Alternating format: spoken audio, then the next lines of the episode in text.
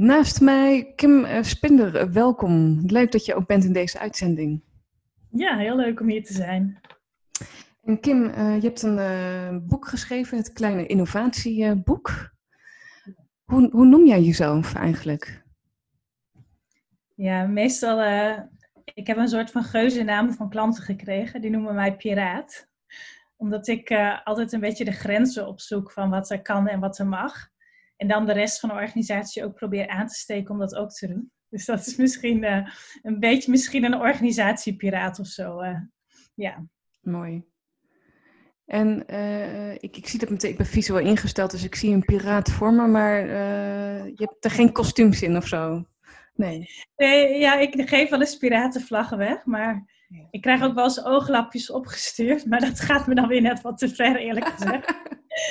Maar ja, die piratenspirit, iedereen heeft daar toch een of ander beeld bij. En iedereen voelt ook wel van, nou, het is eigenlijk ook wel leuk om uh, bij een beetje een piratenclub te horen. Dat geeft ook gewoon meteen uh, veel energie. Ja, ontzettend leuk. Want um, het kleine innovatieboek heb je dus uh, geschreven, Kim. Wat is innovatie voor jou? Ja, eigenlijk ik moest van de uitgever een definitie erin zetten, maar ik vergeet hem altijd. Want volgens mij is innovatie veel meer een mindset. Dat je nieuwe dingen probeert en kijkt wat dat oplevert. En dat je die eerste stap durft te zetten. En uh, nou moet ik een beetje gokken wat ik erin heb gezet. Maar volgens mij heb ik zoiets van, uh, is dat, het je, dat je iets nieuws doet wat het verschil maakt. Dus het moet wel waarde toevoegen. Ik geloof niet zozeer in het innoveren om te innoveren, maar het is ook wel belangrijk dat je, ja, dat je het verschil ermee maakt en waarde toevoegt. En uh, waarom ik niet zo van die definities hou, omdat het dan altijd vaak heel ingewikkeld wordt. En dan voelt het heel onbereikbaar. En ik vind het wel belangrijk dat eigenlijk iedereen kan innoveren of iets kan vernieuwen. En dat je die, die drempel niet te hoog maakt. En dan als je daar een hele wiskundige formule tegenaan gooit, dan is iedereen afgehaakt. Ja, dus daar komt dan weer die, die lekkere piraten om de hoek uh, bij jou, Kim. En als je dan kijkt naar deze veranderende tijden, um, wat zie je dan gebeuren wat, wat innoveren mag zijn? Ja, ik zie nu dat je eigenlijk wat meer ruimte hebt om te innoveren. Heel veel mensen zijn aan het thuiswerken.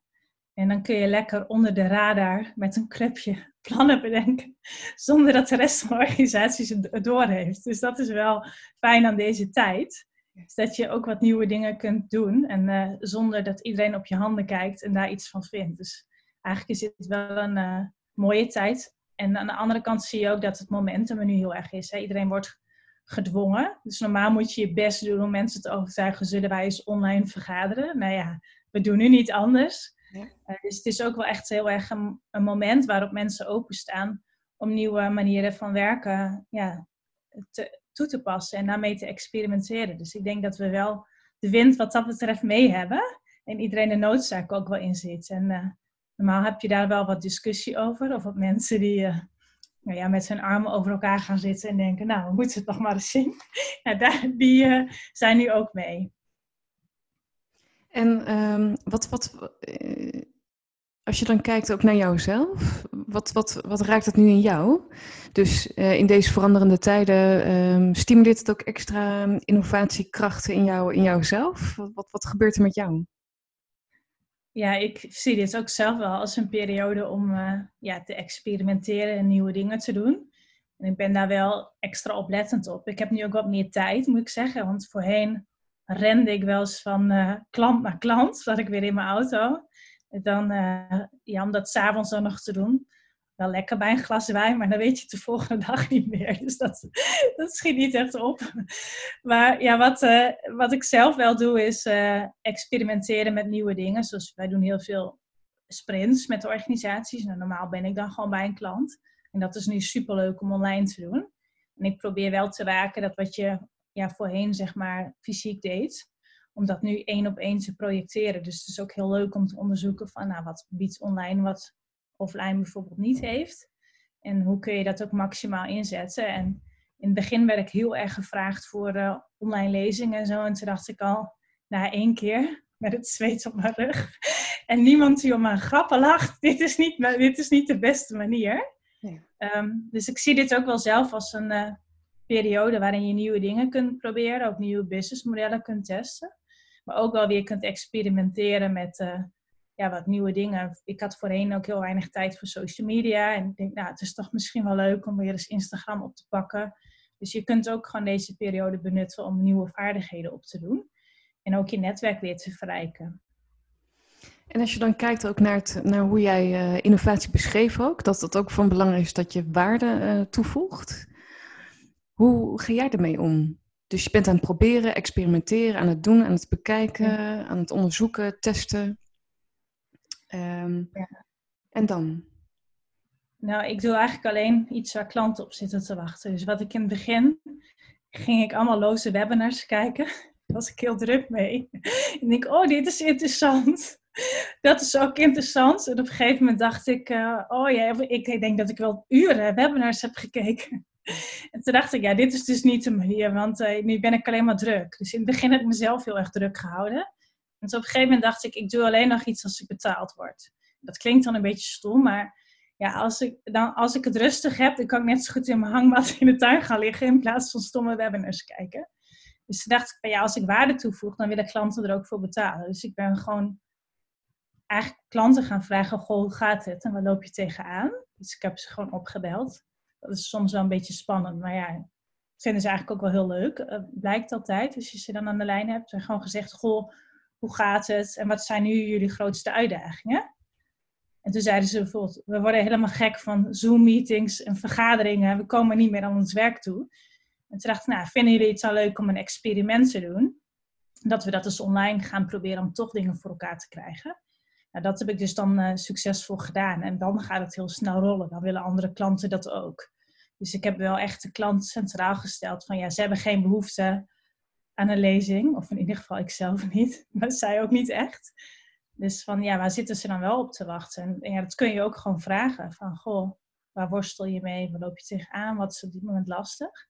En dat is helemaal niet verkoperig. Dat is eigenlijk ook gewoon interesse hebben in je medemens. Dus, uh, en, dus, en ik wil, maar ik wil er dus wel voor betaald worden. Dat is mijn, dan mijn eigen criterium van voeg ik waarde toe. Maar ik vind het wel heel interessant, Kim, ook. Eh, dus je houdt ook niet vast aan één product of dienst, hè? Wat, wat toch vaak, dat zie je toch vaak gebeuren in eh, bedrijven bij ondernemende mensen. Maar dat je dus puur, dat je dat eigenlijk loslaat. Je kijkt echt in dat moment wat dus inderdaad nodig is, waar de behoefte is bij, bij, de, bij de potentiële klant. Ja. Ja, ik merk sowieso wel dat een klant eigenlijk ook helemaal niet uitmaakt hoor, hoe ik het noem, wat ik doe, of hoe, welk proces we in een sessie doen. Eigenlijk wil de klant gewoon een resultaat. En het probleem is nu dat ze geen resultaat meer boeken. Dus als ze zeggen van nou, als jij aan, met, deze, met dit team aan de slag gaat en je hebt op het eind dit resultaat, ja, hoe je dat precies doet. En dat is vaak het product waar we heel veel tijd en energie als ondernemers in steken. Maar ja, dat boeit eigenlijk. Ik heb nooit echt een klant die daar echt in geïnteresseerd is die wil gewoon uh, op het eind dat ik iets oplever. En hoe ik dat doe, ja, dat zal hem eigenlijk wel een zorg zijn. Alleen daar zijn we vaak wel heel druk mee bezig met productpagina's en dat soort dingen. Maar ja. ja de meeste klanten lezen dat helemaal niet. Nee, precies. Dat zijn allemaal middelen achter de schermen. Uh, maar de klant wil ja, dat het dus iets oplevert. En wat is jouw doel waar, waartoe je uh, alles doet wat je doet? Ik wil eigenlijk gewoon leuke dingen doen. Dat klinkt dan een beetje plat, maar met, met leuke mensen. En als ik ze kan helpen, ik, ik ben wel goed in uh, dingen voor elkaar krijgen met een club mensen op een leuke manier. En er ook energie in brengen en ja, met elkaar uh, een beetje de grenzen opzoeken. En soms is dat nodig in een organisatie, soms niet. Hè. Daar moet je ook eerlijk in zijn. Dan kun je beter iemand anders naar voren schuiven. En als je dan meerwaarde kunt bieden, ook nog een leuke tijd kunt hebben.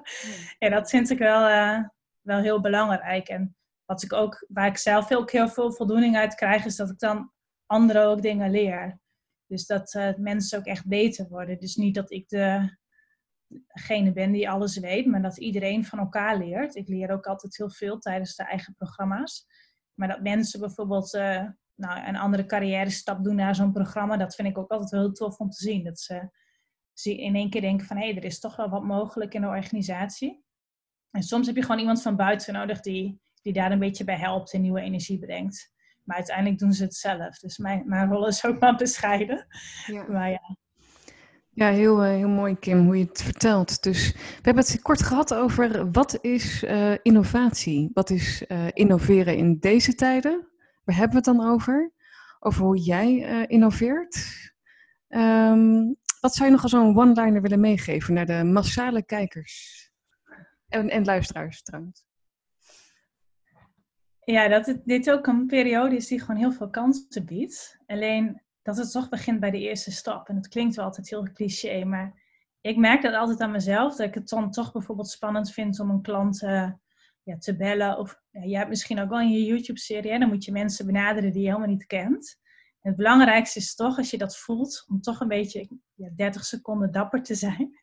Want een telefoontje of een berichtje versturen duurt niet langer dan dat. En dan heb je het gedaan. En dan kom je weer een stap verder. Dus dan rol je van het een in het ander. Dan ontmoet je weer nieuwe mensen. Uh, en dat vind ik eigenlijk wel heel belangrijk. Uh, en, en, misschien ook uh, dat je niet alleen maar gaat content gaat consumeren, maar dat je ook echt iets gaat doen. Ja, produceren. Van consumeren naar produceren. Ja. Ja. Wat waarde heeft voor de ander. ja, dat kun je ook gewoon vragen. Ja. Nou, heel erg dankjewel. Leuk. Mooi gesprek en bedankt voor jouw inzichten, Kim. Graag gedaan.